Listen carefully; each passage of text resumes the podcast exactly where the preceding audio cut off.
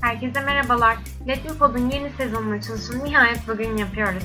Bu bölümümüzde size arada olduğumuz yaz döneminde Latin Amerika'da neler olduğu hakkında bilgi vereceğim.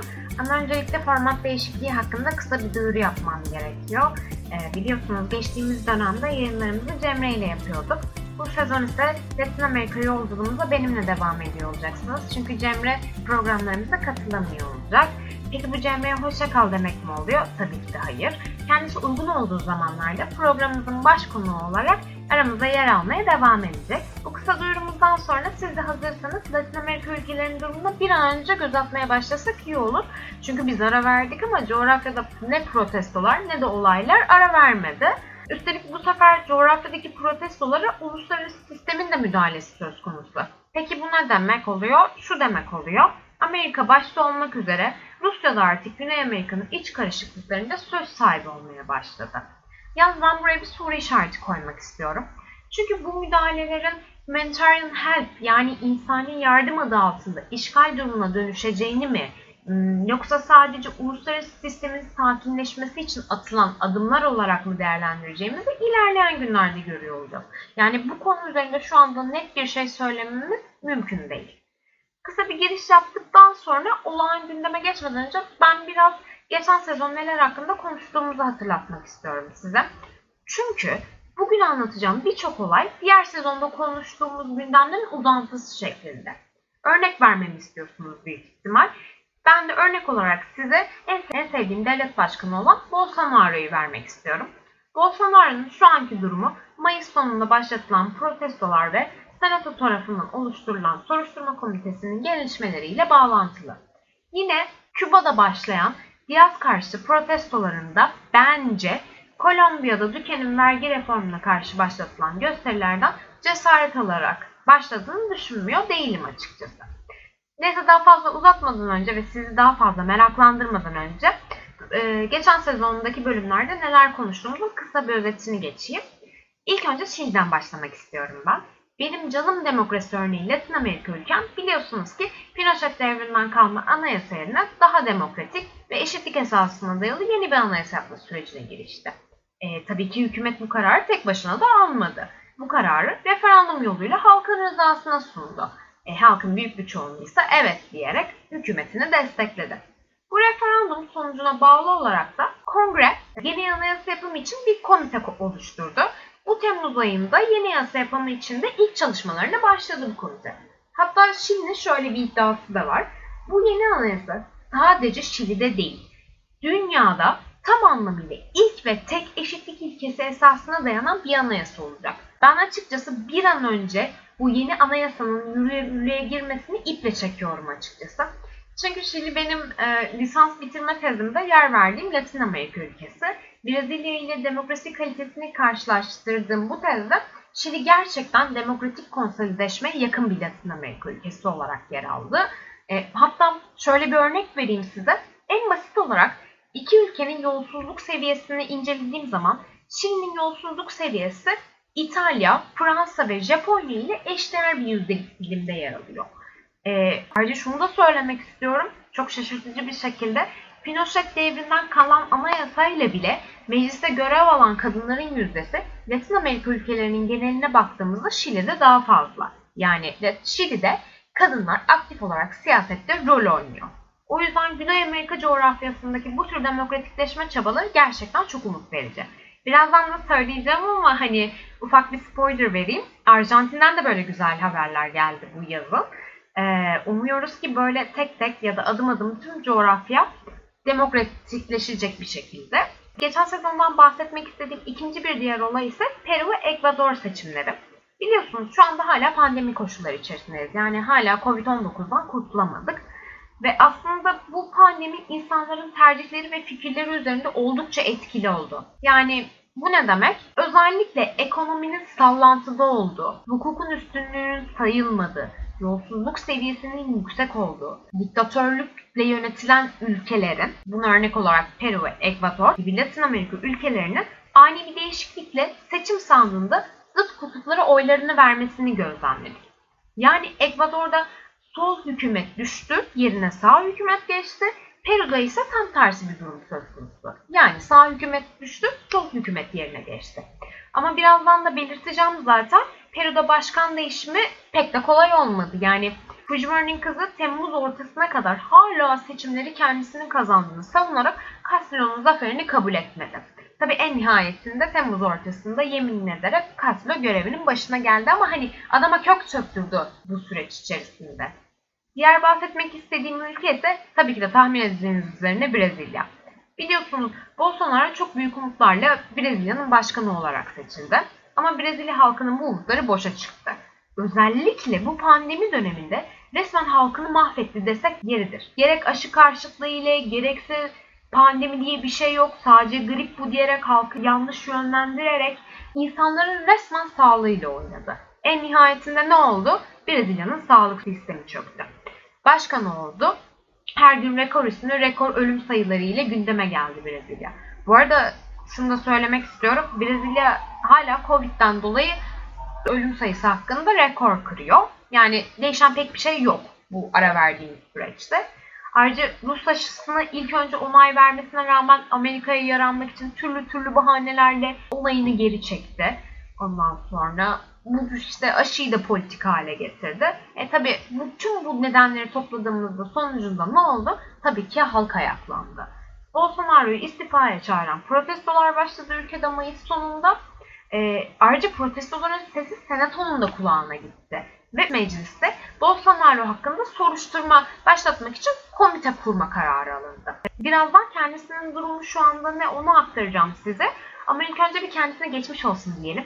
Çünkü hıçkırık tutma hastalığına yakalandığı için bir süreliğine görevine devam edememişti kendisi. Ama şu anda merak etmeyin kendisinin sağlığı gayet yerinde ve görevinin başında. Tamam çok özür diliyorum kısa tutacağım demiştim ama biraz uzun bir özet oldu farkındayım. Fakat özellikle bunları hatırlatmak istedim size. Çünkü daha önce de söylediğim gibi az sonra anlatacağım birçok gündem maddesinin geçen sezon konuştuklarımızla çok yakından bir ilişkisi var. O yüzden detaya inerek sizlere hatırlatma yapmak istedim. Yani kafa taslak işte bu oldu şu oldu demek yerine daha iyi özümlemenizi sağlamayı amaçladım açıkçası biraz. Ve tamam söz veriyorum hiç vakit kaybetmeden günümüze geliyorum. Bakalım neler olmuş Latin Amerika'da. İlk olarak El Salvador ile başlamak istiyorum. El Salvador dünyada bir ilki gerçekleştirerek kripto para birimi yani Bitcoin'i resmi para birimi olarak kabul etti Haziran başında. Nayib Bukele'nin yani El Salvador Devlet Başkanı'nın bu girişimindeki amaç işte El Salvador halkı yurt dışında yaşayan akrabalarına kolay para gönderebilecek, biz teknolojide bir çığır açacağız gibi söylemler oldu. E oldu da hani bizim aklımızda da bir soru işareti bıraktı. Yani ülke zaten Amerika dolarını kullanıyor ve Amerikan dolarını da bir şekilde yurt dışında yaşayan akrabalarına gönderebiliyor halk. Ayrıca kripto para biriminin dünyanın pek çok yerinde hala yasal değil ve ne kadar uzun süre boyunca kullanılabileceği de bir soru işareti uzmanlarca tartışılıyor. Şu gerçeği kabul ediyoruz El Salvador'da. Halkın ciddi bir kesiminin hala banka hesabı yok. Bunda hemfikiriz. Başkan da işte bunu vurgu ederek bu kesimi de finans sisteminin içerisine katmaya çalıştığını düşün, söylüyor. Ama bu düşünce bence çok mantıklı ya da geçerli bir şey değil. Zaten uzmanlara göre de El Salvador IMF'den 1 milyar dolar kredi desteğinde bulunduğu için bu atılan adımın ülkeyi olumsuz etkileyeceği görüşünde. Kaldı ki ülkenin ciddi oranda ekonomisi yurt dışında yaşayan halkının gönderdiği Amerikan dolarına ve bu Amerikan dolarının havalesine dayanıyor. Yani Amerikan dolarının ülke içerisindeki ekonomiye entegre edilmesine dayanıyor. Nitekim halk da Bukele'nin bu kararını ayaklandı Eylül ortasında. Zaten halkın hatır sayılır bir oranı Bukele'yi diktatör olmakla suçluyor. Pek de haksız sayılmazlar yani şimdi. Kendisi yargı sistemindeki otoritesini iyice arttırdı. Ne bileyim işte kendisi tekrar seçilecek şekilde reformlar, uygulamalar ortaya çıkarttı. Neyse protestolara dönelim biz şimdi. Bu protestoların da başlangıç sebebi ise Bukele bu şekilde ülkeyi istikrarsızlığa ve enflasyona götüreceği düşüncesi yatıyor. Yani kripto paralar hakkında tamam şimdi çok bir fikrim yok. Bu konuda yanlış bir şey vermek istemiyorum size ama bence halk bu konuda haklı. Yani şöyle ki kripto paralar sayesinde ülkede zengin çok zengin ve fakir de çok fakir olabilir. E bu da tabii ki de ülke ekonomisinde istikrarsızlar enflasyona neden olacak otomatik olarak. Yani bu yüzden çok da yerinde bir kararı değil bence bu ülkele ama ilerleyen günlerde ne olacağını tabii ki de göreceğiz. Bu arada bu kripto para konusunda işte El, El Salvador'dan sonra Küba'da kabul etti res para birimi olarak. Bunu da bir parantez içerisinde not olarak da söyleyelim. Ee, sırada ise Peru var. Öncelikle biz buradan Castillo'yu tebrik ediyoruz artık. Çünkü Fujimori'nin kızı artık oylarım çalındı, işte yolsuzluk var, hile yapıldı diye ağlamaktan vazgeçti ve yenilgisini kabul etti. Peki kimdir bu Castillo? Castillo siyaset partisini 2002'de adaylığını koyduğu belediye seçimleriyle belirdi. Bu seçimlerde her ne kadar başarılı olamasa da 2017'deki öğretmenlerin ücret artışı talebiyle başlayan grevde adını herkese duyurdu. Yani 2017'de Castillo için bir halk kahramanı oldu diyebiliriz gönül rahatlığıyla. Başkanlık seçimlerinde de kamulaştırma ve istihdam söylemleriyle daha çok ön plana çıktı. Ama burada çok garip bir olay var şu anda. Çünkü Mart ayında yapılan halk oylamalarında Castillo'nun ancak oyların %3'ünü falan alabileceği tahmini ortaya çıkmıştı. Fakat çok şaşırtıcı bir şekilde kendisi ilk turda oyların %16'sını aldı. İlk sırada bitirdi. İkinci turda ise Fujimori'nin kızını yendi. Ee, tabii Fujimori'nin kızı yenilgiyi kabul etti mi? Tabii ki de hayır. Zaten kab- kabul etmesini beklemiyorduk açıkçası bu kadar kolay bir şekilde. Kendisi ikinci turun ilk başlarında önde götürüyordu yarışı. Bu yüzden seçim sonucunda oylarım çalındı, yolsuzluk var diyerek ortalığı ayağa kaldırdı tabiri caizse. Aslında bu kadar bağırmasının, ağlamasının da bir sebebi yoktu. Çünkü Peru halkı artık yolsuzluktan, ekonomik çöküşten, işte ne bileyim e, kötü bir ülkede yaşamaktan sıkılmış durumdaydı. O yüzden yeni bir kahraman arıyordu. E, Castillo da tam anlamıyla aradıkları kritere uyuyordu. Hem sol partiden geliyordu hem de halkın yanında yer alıyordu. Çünkü 2017 grevlerinde tamamen halkı savunuyordu. Ayrıca kendisi daha fazla ekonomik çöküşe engel olacağı söylemleriyle ortaya çıkmıştı. Ondan sonra bu yüzden hani onun kazanıcı aslında halk oylamalarına nazaran daha olası bir şeydi. O yüzden biz kendisine tekrardan yeni görevinde başarılar diliyoruz ve umuyoruz ki daha demokratik bir Peru Castilla ile dünya siyasetine yer almaya başlar en kısa sürede. E, Peru'daki bu güzel haberden sonra sırada Küba protestoları var. Tabii ki bu inanılmaz kanlı bir protesto oldu. Küba'da bir de yıllar sonra ilk defa oldukça büyük bir hükümet karşıtı protestolar başladı. Neden ise tabii ki de tahmin edeceğiniz üzere ekonomi. Bir de buna ilave olarak da Diaz'ın diktatörlüğü. İlk önce basit bir şekilde başladı. Yani sadece gösteri şeklinde başlamıştı. Sonra bu gösteriler bütün ülkeye yayıldı ve bir protestoya dönüştü. Az önce de söyledim ya bence bu pandemi dönemi artık herkes için bardağı taşıran son damla oldu. Yani tüm Latin Amerika demokrasi, özgürlük ve iyi bir ekonomi değil ciğerlerini parçalıyor resmen sokaklarda. E bunun aynısını Kolombiya'da da gördük zaten. Vergi reformu için başlatılan protestolar daha sonra tamamen özgürlük ve demokrasi söylemlerine dönüştü. Yalnız Küba'da şöyle bir durum da söz konusu. Bu sefer hükümeti destekleyenler de sokakta. Çünkü Küba Devlet Başkanı Diaz kendi destekçilerine şöyle bir çağrıda bulundu. İşte Amerikan uçaklarını ülkemizi teslim edemeyiz. Yok efendim bu provokasyonlara izin veremeyiz. Ondan sonra bizi birbirimize düşürmeye çalışıyorlar vesaire falan. Bu arada gerçekten de bu protestolar Amerika destekli. Yani Amerika Küba halkının yanında. Hatta komünist yönetim diyerek Diaz hükümetini de suçluyor. E, protestoları destekleyen sadece Amerika değil bu arada. İspanya'da Küba halkının yanında. İspanya şöyle söylüyor. Halk özgürce kendi isteklerini ve fikirlerini belirtebilir, düşüncelerini savunabilir. Hatta Küba'ya tutukladıkları muhabirlerini derhal serbest bırakmaları için çağrıda da bulundu.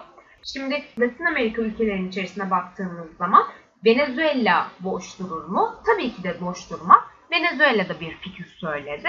Venezuela da Küba halkına desteğini sundu. Buna karşın Diaz hükümeti de halkı desteklediği için de Küba içerisindeki Venezuelalıları terörist listesine alması için ABD'ye de çağrıda bulundu. Ee, şimdi Rusya açısından bakarsak da daha dengeleyici bir yaklaşım olduğunu söyleyebiliriz. Rusya bir an önce ülkenin normale dönmesini istiyor. Bu yüzden de her türlü desteği sunacağını söylüyor. E, tabii ki Amerika'nın protestolarının peşini kolay kolay bırakıp ülkenin normale dönmesi için destek vereceğini hiç mi hiç düşünmüyorum açıkçası. Şimdi yalan söylemek istemiyorum. Çünkü Biden hükümeti Küba protestolarının yüksek öncelikli olarak ilan ederek müdahalelerine başladı bile çoktan. Bakalım ilerleyen günlerde durumlar ne olacak? Yani umuyoruz ki en kısa sürede bu protestolar biter çünkü gerçekten çok kanlı bir hale dönmeye başladı. Daha fazla insanın canına mal olmaz. Bakalım dediğim gibi. Şimdi Brezilya'dan bahsedelim biraz. Daha önce de bahsettiğimiz gibi Brezilya artık Bolsonaro'yu istemiyor. Yani açık ve net bir şekilde istemiyor. Bunda da çok haklılar bence. Yani bu kadar sorun varken kim Bolsonaro'yu devlet başkanı olarak kalmasını ister ki? Ben kendim de ülkemde canımın hiçbir değer kalmadığı için istemezdim şahsen. Bence kendisi de biraz bu durumdan korkmuş durumda açıkçası. Hani aramızda kalsın bu ama çünkü daha başkanlık seçimi seneye yapılacak olmasına rağmen yok işte seçimi kaybedersem yolsuzluk vardır, kabul etmem sonuçları, ne bileyim sadece bir şartla koltuğu bırakırım kaybedersem, işte ne bileyim online yoldan seçim olmayacak, herkes gidecek sandığa falan gibi söylemlerde bulunmaya başladı. Daha hani bence biraz halkı artık onu dinlemiyor. Çünkü Temmuz ayında da protestolar devam etti. Legal olarak da yüksek mahkeme kendisini iftira ve suça teşvik bakımından soruşturma başlatmıştı. Suça teşvik derken ne demek istiyorum? Şunu demek istiyorum. Kendisi buyurun sarayı basın diye bir şeyler söyledi. Ondan sonra yani Trump olayının bir başka versiyonunu Brezilya'da görüyoruz. Bence artık bu tarz söylemlerinden vazgeçsin Bolsonaro. Çünkü hem ülke içindeki hükümet organları tarafından hem halk tarafından hem de online platformdan köşeye sıkışmış durumda. Sürekli hakkında soruşturmalar açılıyor. Hmm, ne bileyim YouTube videolarını kaldırıyor yanlış bilgi yaydığı için ya da halk protestolarıyla tepkisini belirtiyor. Bu yüzden efendi bir şekilde seneye seçimler yapılsın. Kaybederse de Peru'da olduğu gibi hani oylarım çalındı diye ağlamasın sonra. Bu zaten kaybedeceği şu anda belli bir şey. Çünkü dediğim gibi halk istemiyor yani Bolsonaro'yu artık. Meksika'da ise halk Ağustos başında katıldığı referandumda 5 eski devlet başkanının yargılanması için evet dedi. Ama burada şöyle bir sorun var. Yani referandum geçersiz sayılabilir. Neden geçersiz sayılabilir? Referanduma katılma oranı %40 civarında çünkü. Bu da şu demek oluyor nitelikli çoğunluk sağlanamadığı için geçerli bir sonuç olmuyor. Ama ilerleyen günlerde ne olacağını göreceğiz. Yani yine de Meksika'da böyle bir konu için referandum yapılması umut verici bir işaret. Çünkü bu Obrades'in halkın isteğini göz önünde bulundurduğunu gösteriyor. Ki Meksika zaten çok uzun süredir hem PRI'nin altında diktatörlükle yönetildiği için bu tür şeyler gerçekten Meksika için umut verici oluyor. De ise durumlar biraz karışık. Ee, devlet Başkanı Morris'e Temmuz başında evinde suikaste uğrayarak hayatını kaybetti. Geçici başkan olarak göreve gelen Claudio Joseph ise ülkede acil durumu ilan etti. Peki bu ne demek oluyor? Bu şu demek oluyor. Ülkede her an bir iç karışıklık başlayabilir. Nitekim geçici başkan Amerika'dan askeri yardım da istedi zaten. Şimdi burada bir parantez açalım. Acaba Amerika bu yardımı gerçekten yardım olarak mı algıladı yoksa yardım adı altında ülkeyi işgal mi edecek? Çünkü tarihi biraz karıştırdığımızda Amerika'nın bu tür yardımları bir fırsata çevirdiğini görüyoruz. Yani bu yalan değil şimdi. Gerek ekonomik olarak gerekse de siyasi olarak bir şekilde kendine bağlıyor bu ülkeleri. Ama Biden hükümetinin dış ülkelerden çektiği askerlere bakacak olursak yani foreign policy, dış politikasına bakacak olursak bunu bir yardım amaçlı olarak gördüğünü varsaymak da mümkün. Durum daha da netleştiği zaman neler olduğunu size daha detaylı bir şekilde aktaracağım. Şu anda e, Haiti'de 7 kişi tutuklandı. Bu suikast olayıyla ilgili bir tanesi Amerikalı ama Haiti vatandaşı bir Amerikalı. Bakalım dediğim gibi. Son olarak da biraz Arjantin'den bahsederek Latin Pod'un bu bölümünü güzel bir kapanış ile sonlandırmak istiyorum. E, programın başında da söyledim. Gerçekten çok güzel gelişmeler oluyor Arjantin'de de. Arjantin Başkanı Fernandez kendini belirli bir cinsiyete ait hissetmeyenler için bir düzenleme getirdi. Ama korkmayın bu kötü bir düzenleme değil. Artık basma kalıp olarak kadın veya erkek yazmak yerine bu kişilerin pasaportlarında X harfi yazacak. Zaten Arjantin daha önce eşcinsel evlilikleri ve kürtajı yasallaştırmasıyla da oldukça büyük bir demokratikleşme adımı atmıştı.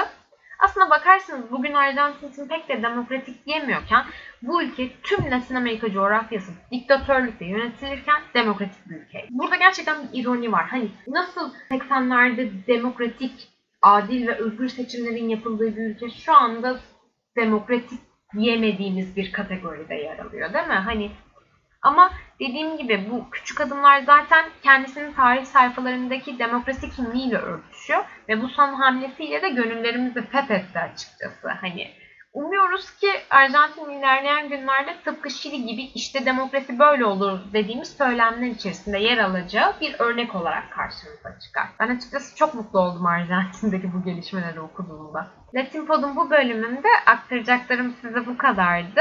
Oldukça bol aksiyonlu bir dönemin bizi beklediğini belirtmeden kapatmak istemiyorum açıkçası. Çünkü gördüğünüz gibi Küba'da protestolar var. Ee, Brezilya'da protestolar var.